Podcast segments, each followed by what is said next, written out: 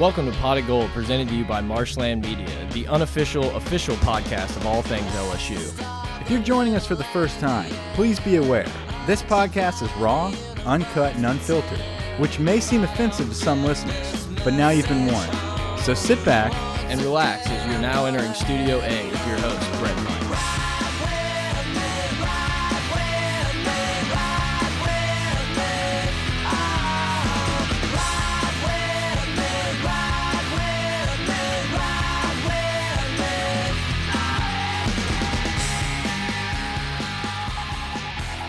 All right, Pot of Gold, welcome back, everybody. I'm Brett. I'm here with Mike. We're going to do a post-game pod breaking down Florida's 27 to 19 victory over LSU. It hurts. It was a punch in the gut. It was a game that we thought we were going to win going into it, but execution and just a lot of different things were reasons we lost the game. Mike, how are you feeling this morning? Well, Brett, I uh, first off, I'm glad we waited till today to record this pod instead of directly after the game because honestly, I was just kind of numb after that loss. Didn't really want to talk. I think I had 250 messages on the GroupMe app that I had not read yet. Discord was blowing up, guys. I'm, I apologize. I had to back away from it. Just couldn't get into it, but um, got some rest. Woke up this morning with a with a fresh head, and uh, I don't know, ready to talk some ball here, dude. Uh, obviously upset over our Yeah. loss, uh, but I I want to say this first off. This was not a team I never thought, and me and you both were on the same page here. Never thought was going to go undefeated. Um, we we all talked about in our preseason podcast about predicting our record that we have uh, we have a good chance to be a lot better than expected, um, but we also have a chance to drop maybe two or three games this season, and one of those is going to be a hard fought game in, in Florida on the road. Going up to this past week, leading up to the game, might have changed our minds a little bit from the way we've been playing. If we execute correctly, if we do the things we're supposed to do, if everybody's healthy, we can definitely win this game. We came into this game unhealthy. We had guys missing. We're going to talk about it in a minute. Jacob Phillips specifically. Uh, we didn't execute, and we when we lost a tough one on the road against a very good opponent. Guys, listen, this is not the end of the world. This is one loss. We've got a big schedule ahead of us. We have to learn some adversity, how to bounce back. I think the guys are still focused. They're hungry. They're not going to let this define their season. So um, that's kind of my take the next day moving forward. So without further ado, Brett, let's let's dive into this game, man. Yeah, I mean, there's so much to get started. And I mean, the game kicks off, and LSU just marches it down the field. And you're like, here we go. We were right. You know, we're so much better than this Florida team. We punch in a touchdown here, and it's like, we're the best team in the country. Yeah, and you know, and that's a good point to bring up right out of the gate is who was the better team and what defines a better team. And uh, honestly, that talking to everybody leading up to this game, it was kind of like, oh, what are your thoughts? Oh, well, you know, LSU's the better team. And it's like, at the end of the day, these emotional SEC road games, Dan Mullen coming off of a huge victory at Mississippi State, the Tim Tebow deal, the honoring of the national championship deal, Florida gaining so much momentum. You can't just hang your hat on being the better team. You have to catch the breaks. Um, and and I felt like coming into this first drive, like you just said, it was kind of like, huh, maybe this is all we need. We are the better team. Who cares about the fans and how the atmosphere is at Florida and the buzz? You can just feel it. It's just like, oh, that none of that matters to LSU because we're the better team. And we did it again on the second drive. We come out and do it again, but the brakes did not fall our way all the way through that second drive, and boom, you could see that momentum switch back. The crowd got back into it. Dan Mullen was into it. The the the 08 championship team was on the sideline, just getting crazy. Uh, the tide was turning, and we were in for a battle the rest of the night. Yeah, I mean, LSU had the opportunity towards the end of the first quarter to really foot, put their throat, uh, put their foot on the throat of Florida and just say, you know, it's going to be a long night for you guys. We're going to keep doing this, and of course, then we have a breakdown on the backside of the offensive line, and Burrow, there's a fumble on the field, and then it's just a completely new ball game at that point. I mean, It is. Yeah. Th that place was, uh, you know, I'm not going to say we watch all the Florida games or anything, but I thought the crowd was was very good. I mean, that place was electric. It reminded me of the Urban Meyer, Tim Tebow type of days where that place was a really scary place to go into. I will say this: um, we are in for a world of hurt with Dan Mullen at Florida when he does get a legit quarterback. Um, yep. And Felipe Franks by no means is a legit quarterback. Felipe is serviceable at best.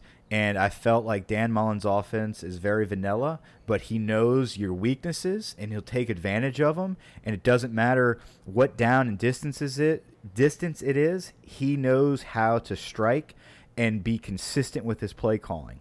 Um, and whenever he, he does get a guy to Florida, which he will because he's at a destination school now, um, it's going to be a battle. It is going to be good for the East, though. I think Georgia and Florida are now going to be neck and neck. It just sucks that LSU's permanent opponent is now yep. going to be that much better. But it's just got to we have to raise our game. But to that point, I, I do want to I do want to mention that I am very pleased with how LSU has started their games every single week. No matter who the opponent is, no matter what defense is in front of us, our offense comes out and drives the football, and it's great to watch. Yeah, no, and I, I, just to piggyback on your Dan Mullen point, I think a perfect example of that is that option that they ran. They didn't abuse it. They picked the perfect times that they wanted to use it. They waited until they had the correct defensive personnel by LSU on it, and they hammered us. Yes, they absolutely did, and it it, it was very disheartening to to watch that happen because you were so trustworthy on on Dave Aranda and being prepared, and you look at Ray Thornton in every single play that they uh, capitalized on the option. Thornton didn't know who to take. He didn't know whether to take the pitch man, whether to take the running back. He was alone. Our corners were non existent. Our defensive linemen were getting sucked inside, even though there was no dive player. It was like we have never defended the option before. We were not prepared for it. If I was Dan Mullen, I would have ran that play 10 more times. I mean, there was no answer for it at all. No, I agree. And just to go back to your Franks point, I thought Franks played pretty bad. I mean, he didn't look impressive to me at all. He made some really inaccurate throws. I think the one of the main reasons that they had success obviously was the ground game, but we got pushed around at the line of scrimmage. I mean, their defensive line or our offensive line, wait, no, their, switch it the other way. Line, yeah, yeah, their offensive line did whatever they wanted, and uh, besides a little bit of Fehoko pushing around and everything, we never got there. Yeah, and that that's very frustrating to see as well. Is that we just we didn't adjust. Like we adjusted for maybe half of the third quarter where we got some pressure on them, but other than that, the pressure was non-existent.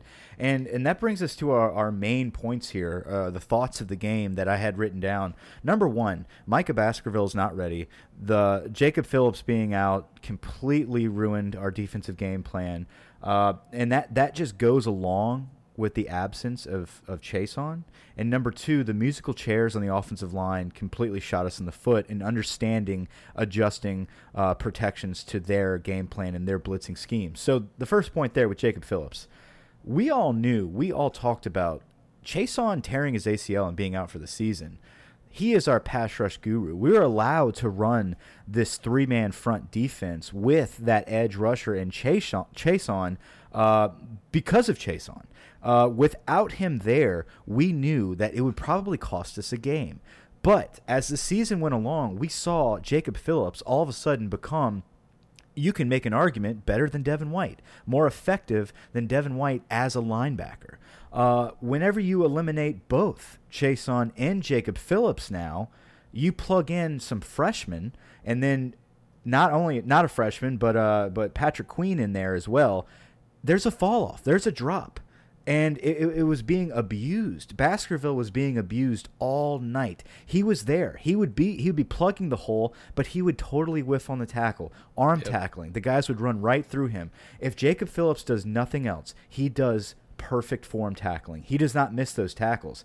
We were asking ourselves, why the hell are they so effective running the football for three, four yards at a time, just at will? If if it's third and three, I just walked away. I said it's a first down for these guys. They're going to pick it up. It doesn't matter. We are not making the tackle on the line of scrimmage, and that had everything to do with the absence of Jacob Phillips.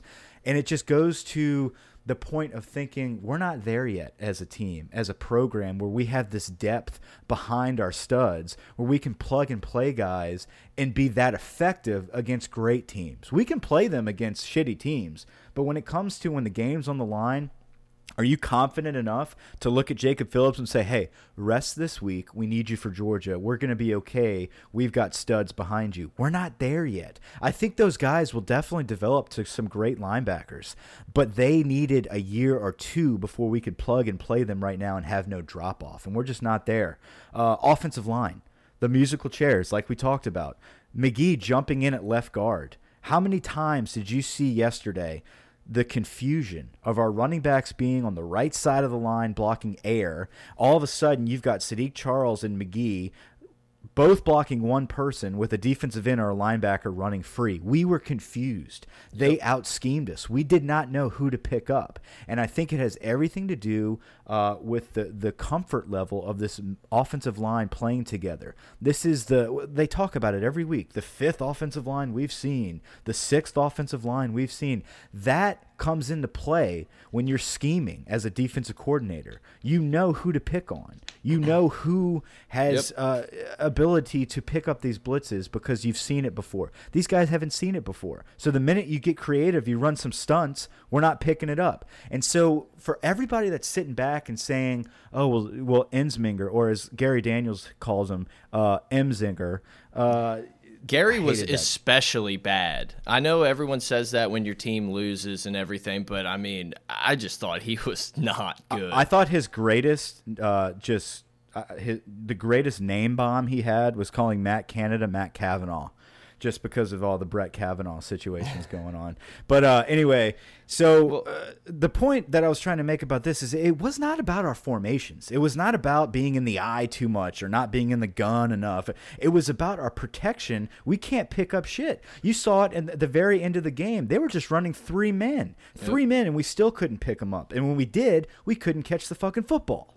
Yep. No, I look, I agree. I want to just start with the Jacob Phillips thing, and then I'm gonna kind of go into my. I know thoughts. I went too far, bro. I no, far. no, you're good. No, the thing that hurts so much about Jacob Phillips is it happened on the last play of the Ole Miss game when he probably shouldn't have been in there. Takes Inexcusable. Kind of a, takes a takes a blindside hit, messes up his shoulder, and it's just that's when a guy like Patrick Queen needs to be in there getting reps. Yes, it, it, that sucked, and look, I agree with a lot of the things you said. There's so many people out there that are hating on the play calling. I'm not saying I love the play calling, but there's just it's if it's not the reason we lost. No, right. right. You can see it. There's a difference, man. The difference in the game is that we lost a fumble when we don't normally lose fumbles. Jefferson and Burrow missed on a lot of connections that they normally hit all year too many penalties, too many mental errors, no pressure whatsoever. It's these things that have we have just piggybacked on in these first five games, and it's been the reason we've won. This this game plan didn't look much different than what we've normally been doing. We had 41 runs, 34 passes. It was the same thing we've we've won five games on minus the execution. Yeah, absolutely. I agree. Uh, I, I, think if the I think if I had any gripe with the play calling, I feel like we should have run Burrow a little more. I feel like those ends were crashing so hard, and we had no running game from our running backs. I mean, we saw Burrow pull it a couple times and get great yardage why was that not more designed into the right. game plan? I think it, if if I have a gripe about anything, it's that. But like you just said, it was execution. We fumbled the football in the fucking red zone, man. Yep. Like we're about to score another touchdown. We are moving the ball at them at will, and then we come back again for the next drive, and all of a sudden we're not catching the football like we usually do. We draw up a beautiful design to Foster Moreau. Boom, we get hit with a flag. Just yep. stuff we're not used to seeing this season and we're so used to seeing in the past. That is what made us so effective leading into this game was we were getting those breaks. We were not being called for holding. We were not getting false starts. We were not fumbling the football. We were not shooting ourselves in the foot. Yesterday we did that and we still almost won this football game. We were very close to coming back and winning this football game but we were in control in the first quarter uh, and we started shooting ourselves in the foot. And it was not about the play calling. It was not about the game plan. It was about execution and moving the football. the review, the first down review for Clyde Edwards Helaire. I mean, that that is a crucial point in the game where we're finally getting our momentum back and moving the football with a good sustained drive. Boom, we don't get the first down. Where it's very questionable. At least review the damn play. There was little things like that. I mean, multiple times we finally got one of the calls, but multiple times these guys are are, are looking like McGregor out there, slugfesting us in the face. We don't get any of those penalties, man. They're hitting us out of bounds. We're not getting. We got nothing from the refs. Occasionally, we got a call or two, but listen. The point of saying that, I, I hate making excuses about the referees, but the point is, we were not going to catch those breaks, so you can't shoot yourself in the foot. That that's the whole point. Uh, and we were doing that to ourselves all night. And you, you can't win a game like that. You can't go on the road, lose the turnover battle. Four for lose, 17 on third down conversions. Yeah, and expect to win the game, especially with guys like Jacob Phillips being absent. You're not going to do it. Yep. I mean, you know, I just said it fourth and or four and seventeen on third down conversions. It's just you're not going to win games like that. But also, the one of the main reasons are we were in third and long constantly, and maybe it was because we tried to run it a little too much and we should have been throwing. But it's just, man, we got dominated on the line of scrimmage so bad yeah. that it was just I, I don't know. It's like I understand that maybe we've been more of the pro Ensminger guys out there, and I don't want to just act like we're giving him a pass or anything. It just eh, there was just really poor execution. I thought it was a inopportune time for Burrow to play his worst game as a Tiger and have no help from the wide receivers. Yeah, no, no, absolutely. I think whenever he was on and we were able to get protection, he was hitting guys. He was hitting guys, and when he was not hitting them, it's because we had drop balls. I'm not blame. This game is not on Joe Burrow, uh, and I'm not going to sit here and blame it on Joe. The offensive line played their worst game. Uh, yes, it may have been the best five guys out there, but these five guys were not prepared to pick up the blitzes that Todd Grantham was throwing at him. Yeah, Lamar um, K. Stevens, man, come on, you jinxed Lamar, us. you blew it, man, you blew it. No, uh, but but he was right as far as personnel, and I we agree. we talked about this. The personnel was the best group we've seen. They were out schemed. It was not about being outmanned. We've got dudes. Look at the first drive when they weren't throwing those blitzes at us. Magee was mauling people. Saahdiq Charles was blocking people with one arm. I, I mean, was say that second drive, Saahdiq Charles, after I think it was a Brossette nice run off to the left side. I mean, he's like doing some crazy dance, like after yes. we get the first down, and then all of a sudden we just we we couldn't move anybody. We couldn't move anybody. They adjusted schematically, and they were able to beat us that way. They out they out coached us on the lines. Absolutely did. We and and and Coach Orgeron talked about it after the game. He was saying that we tried every protection possible, and we just couldn't do it. So that is a lack of preparation on the offensive line's part, on the offense's part as a whole, to come up and study this Todd Grantham defense that ate your lunch last year at Mississippi State and ate your lunch again this year at Florida. So um, both of those coaches, you know, Dan Mullen against Dave Aranda, Todd Grantham against Ensminger in this offensive line, um, victory to them. Both yep. years in a row, two years in a row now. So that is something that we have to to look at moving forward. And that is my point in that is saying is is is they beat us. They beat us last night. Um, but this is definitely not the definition of who LSU is moving forward. I feel like this is just one of those tough losses where they outcoached and out schemed us, yep. and that we shot ourselves in the foot when we did have the opportunities to win this game. Uh, we we just didn't execute it enough to do it. So. Yeah. Moving forward, I, I feel like we have to be able to I, I don't know. I don't know. It, it's just it's it's preparation, and we were not prepared for what they brought against us. And it wasn't anything too special. It was it was some basic stuff that they were throwing at us but it was just enough to throw us off and and create turnovers. You know the turnovers were the biggest key here. You know it wasn't just the blitzes and getting sacks. It was the sacks and the strip fumbles. I mean uh, that, that that's the detriment yeah, I mean, I think Florida had something like 11 tackles for loss in the game, and LSU had two. I mean, there it is, right there. That just shows you the type of the war that was going on in the trenches. It wasn't really a fair fight. Is it time now? We didn't even discuss it yet, but Jonathan Giles changes his number to number 12 this week. Um, At least I he caught the ball. That's like was the only pro. He is moving through quicksand The guy is not quick. I, I and that's that is the biggest surprise to me. And I hate, uh, you know, hating on a kid. And I'm not trying to hate on this guy. I think um, he was a great player for Texas Tech, uh, playing against no defense. But when you come into the SEC and you get these quick passes, dude, you gotta get you gotta get it and move. And he or was not moving. Or punch. No, you're completely right. Look, we're not going to harp on the kid because at the end of the day, it's like a personnel issue. And that means that the coaches have to put the better player in. But he just isn't quick enough. It looks, it just looks like he's not even like trying to run. It's like a walkthrough almost. It's weird. Yeah, and I, I feel like he's he's got great hands, and I feel like he is is good to settle in the zone and find that opening in the zone. But do not make him your return man. Do not make him your quick guy in the flats to catch the ball and turn up for five to ten yards because he's not cutting it there. I'd rather you throw it to Dillon at this point. Dillon is making some miraculous catches all of a sudden, coming through clutch. If Dillon's hands keep being like he's being if he develops his hands like he has the past couple games in these clutch moments that is your giles you have to get him the ball yeah not dillon's dillon's speed is a weapon so i would rather take the potential of derek Dillon dropping a few balls and missing some mistakes because when he gets it at least he's electric it, yeah, it, there's just, there's no electricity from Giles. It's just possession re receiving, and then now you get into this possession deal. You're like, yeah, but we also have guys that are like six six and six seven being possession receivers. I'd rather them. You know, so it's you're up in the air there on what exactly he is going to contribute moving forward. With all that being said, where the hell was Chase? Uh, no freaking clue, man. It, it, was like we had no. I, I think he was on the field a few times, but it was just like it was like he was an afterthought. And the same thing with Terrace Marshall. It's like we have these guys who it's like we love in some games. It's like we got to get them the ball. I mean, Racey McMath is another one.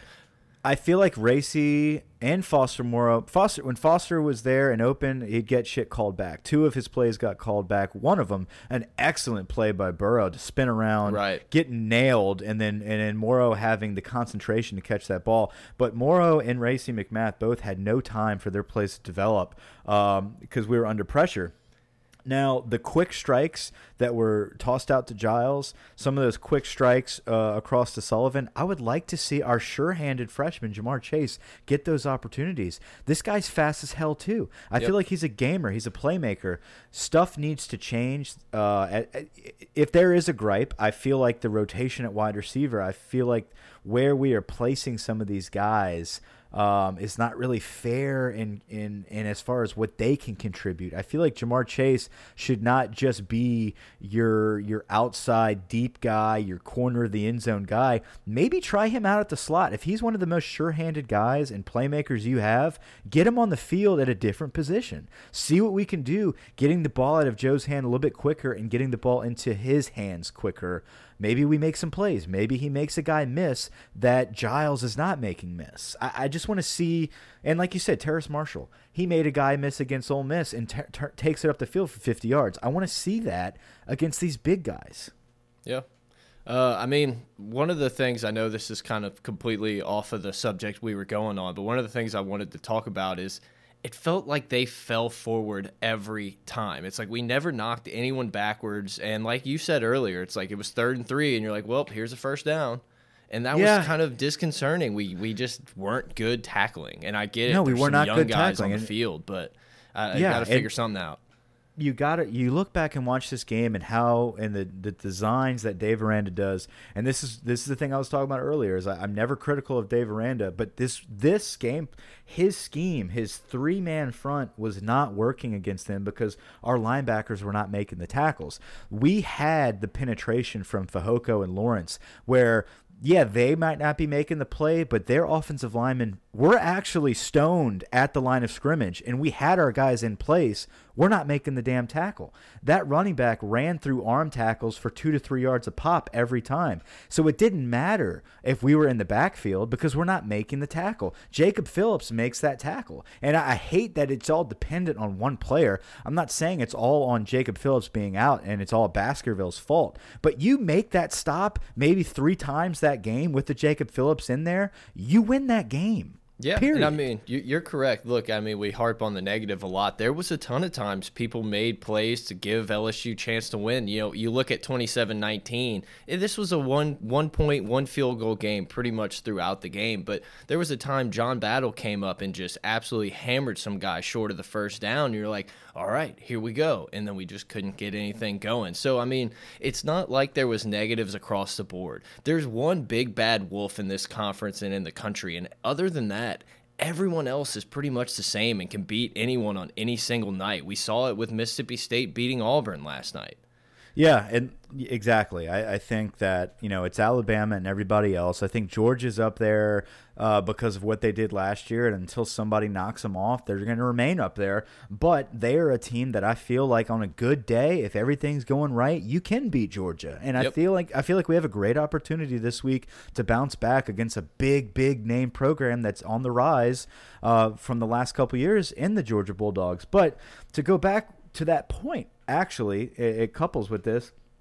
You know, if if we have Jacob Phillips back in, they were making those stops. They stop relying on that running game, and it, they put it in the hands of Franks. If you put that ball in Franks' hand and make that game about what Felipe Franks can do, we win this football game. So it that just goes hand in hand with what you're saying. One or two guys are absent. One or one or two breaks go either other way, and all of a sudden it's LSU six and zero going into play Georgia number four versus number two. Here we go. But instead, it's like, oh, Phillips is hurt. They were able to to to get a bunch of first downs running the football against a, a, a team that LSU was able. No one's run the ball against LSU, but now you're weak up front. You can run the ball against them. Now it's like okay, LSU lost to Florida. Uh, it's anyone's it's anyone's game here in the West outside of Bama. So, Yep. like you said, i i everybody's kind of on the same level here. Kentucky, A and M, Florida, LSU, Mississippi State, Auburn. I mean, it's everybody is playing games where they're they're they're exceeding expectations, and then one week they get a couple breaks to go the other way, and the other team gets on top. Well, in college football is the highs and the lows. I mean, you have a Virginia Tech team lose to Old Dominion and then give Notre Dame a somewhat of a fight. You know, there's just like you said, there's highs and lows. The team we see against Georgia might look nothing like this team, but I think it was pretty apparent and the Jacob Phillips thing comes up again, but Mississippi State and Dan Mullen wanted us in our 3 4 with our extra linebackers. When we were in the nickel and had Delpit in that uh, nickel spot, they didn't do a ton. It was when they brought those extra tight ends in and we put the Thornton in, and then they run a reverse pass to Felipe Franks, and, and then they run their options. Everything was kind of all of their really big plays were when we were in that more of a base defense with some of those younger guys.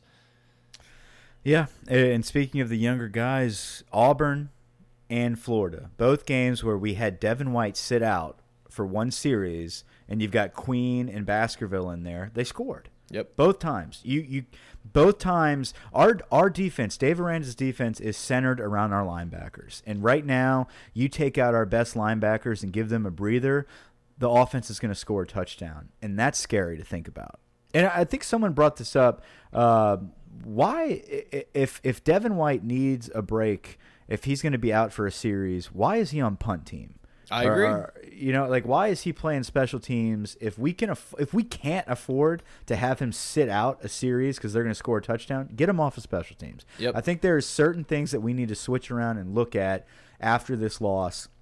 And I- I, I feel like this is a this is a big week for us because you've got a top dog, you've got a top dog Georgia coming into town, and you can't do the same things now. You have to adjust some things. You have to change up a little bit of your personnel going forward because of this loss. How are we going to rebound? I think that's the biggest thing. How are we going to bounce back from adversity, from losing a game on the road? Are we going to fold and say it's over? I don't I don't believe that for a second because I think we have a lot of good leadership on this team. But what changes are we going to make moving forward? Is it going to finally be okay, Giles, guess what? You've had your say. We're going to try somebody else at return man. We're going to try someone else in, in the slot. Um, okay, we have to solidify this offensive line. No more shuffleboards. This is it moving forward. Uh, Phillips, guess what? You got a little stinger in the shoulder. You're in, buddy. There's no more taking rest. We can't afford to lose games because we can't count on the younger guys. What are the adjustments that we're going to make moving forward? Yeah, no, look, I agree. I think a big pro is that LSU's not leaving Baton Rouge for a long stretch here. And it's always, your team always is going to play better at home, especially with that atmosphere. But like you said, there's a lot to improve on going into this Georgia game. Georgia, man, if we give Jake Fromm the amount of time that Felipe yeah. Franks had, it's going to be a long afternoon on CBS again. Yeah, you cannot give Fromm the amount of time that Frank's had, man. Um, and, and and to the other point, you can't give Swift, you can't give those running backs any creases up the middle. You've got to be full strength everywhere. Th that offense um, is is the type of offense that I thoroughly enjoy to watch. It's a very balanced offense where with time that quarterback can pick you apart, but if it's not working, they can line up, run run straight down down your throat, man. They've got excellent offensive linemen. Uh, we'll we'll get into Georgia uh, with our pregame pod this week, but yeah, absolutely. To your point, if we play like this against anybody from here on out, uh, you're going to lose the football game. So you've got to be able to correct your mistakes. Um, you know, if people want to look on the bright side and say, you know, we, uh, I, am never in the boat that you need a loss. I hate hearing that, but at the same time, it's like I'd rather it now than than moving forward in the rest of the stretch of the season. You're you're able to understand what brought you here, what made you five and zero, oh, what made you lose this game, and now you've got a second half of the season which is much harder, and you're able to know what works, what doesn't work we have that loss on the road. Now we're at home in a big three game stretch against the top dogs on our schedule.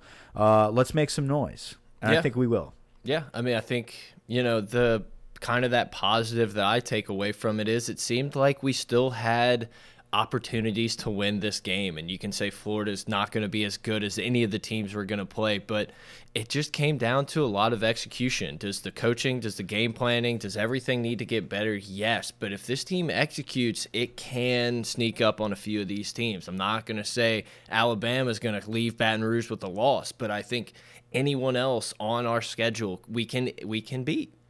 Yeah, we can. We absolutely can beat and that that's a good uh, that's a good vision to have, and I feel like that's a good vote of confidence for everybody on that football team, and I think they feel the same way.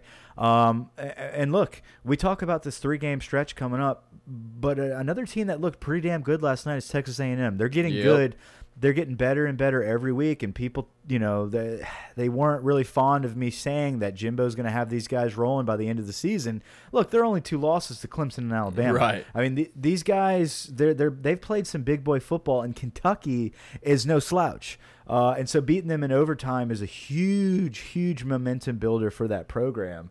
Um, and they're just going to keep getting better. So lsu has a tough road ahead of them I by by no means do I feel like we're going to lose uh, and, and, be six and six or anything like that. I, I, feel like we've got some challenges. It's some exciting football to watch, and it starts this week against Georgia. I really feel like we're going to bounce back and put together a great game um, with some great leaders that are gonna they're gonna put it together for us. So I, I don't look at this loss at Florida as defining who we are.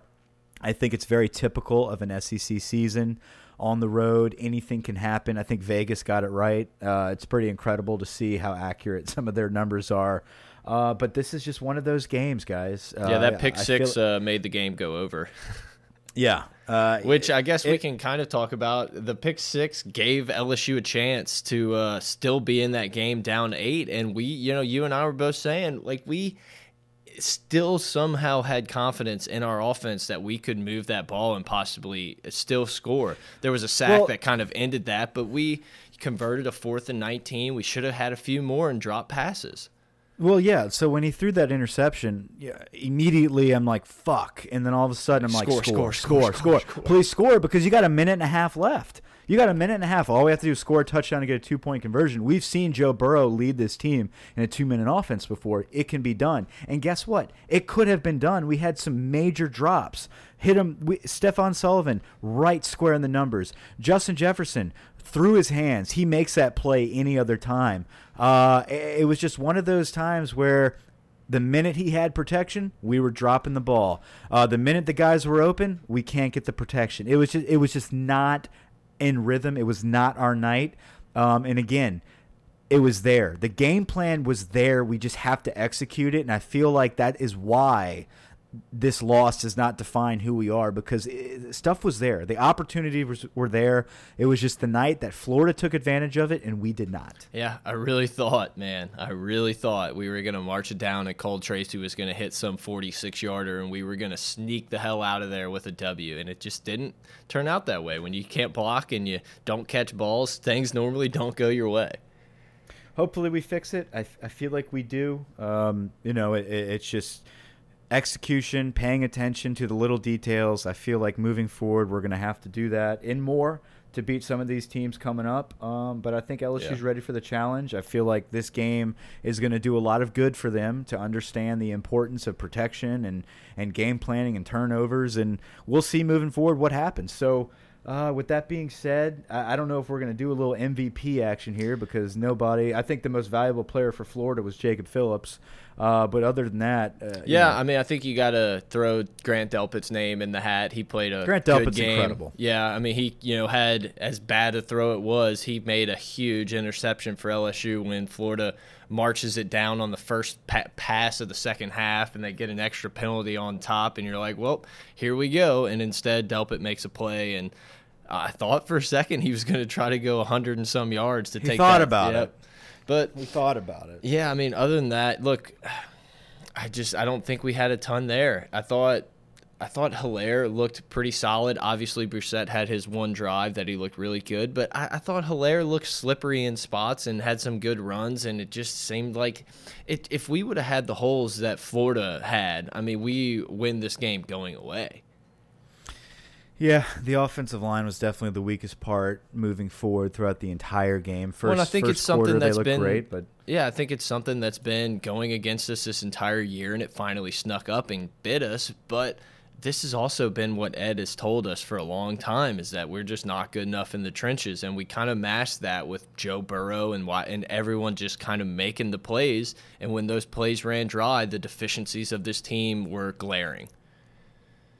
Yeah, they absolutely were, and and you know we we talk about the offensive line uh, on the trenches, building depth there, building depth everywhere. I, I feel like we're we're pretty weak um, at our linebackers that we talked about. We've got great great recruits that were in this last year and coming up. But you know, you lose Tyler Taylor, and that that's a guy that you had developed last season to go neck and neck with Phillips, and now you're depending on a freshman. I'm not saying Baskerville or Damone Clark or Queen are going to be terrible linebackers. I think they're better a better group of backup linebackers than we've ever had in years. They're just not ready to face the big dogs in the SEC at this point to come in and win a game for you because our defense is so dependent at that position. Uh, we're we're just we're we're not there yet as a program to have that depth built and be ready to play. I think we're close. Um, I feel like this season this had a great start to this season. I feel like this is just one hiccup. Um, that we can shake back from. And, and, I don't think this affects recruits in any way. No. I feel like we've got a, a, great stretch of three games to rebound. So I'm excited to see what we can do, man. So, yeah.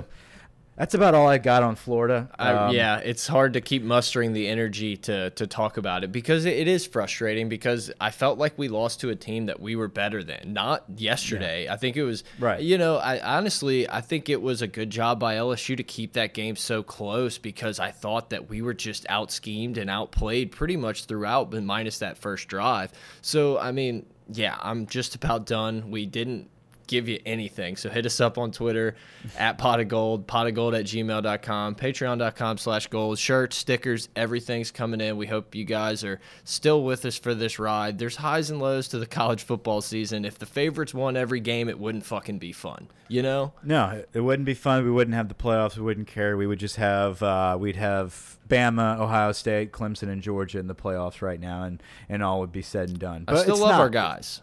I love our guys. Absolutely. You know? This team is a great team to watch. This is a fun team to watch. Just like you said, Brett, it was the final drive. I have a minute and a half left, and we're confident in thinking that Joe Burrow is going to take us down, score a touchdown, and get a two point conversion to win the game. That is the confidence level that we have in our guys. Just because we didn't execute it and accomplish it yesterday doesn't mean that I'm off the boat. I love our team. I think this is going to be a great squad moving forward. A good foundation for the future of LSU football is being built right here. So, tough loss. It happens. We're moving forward.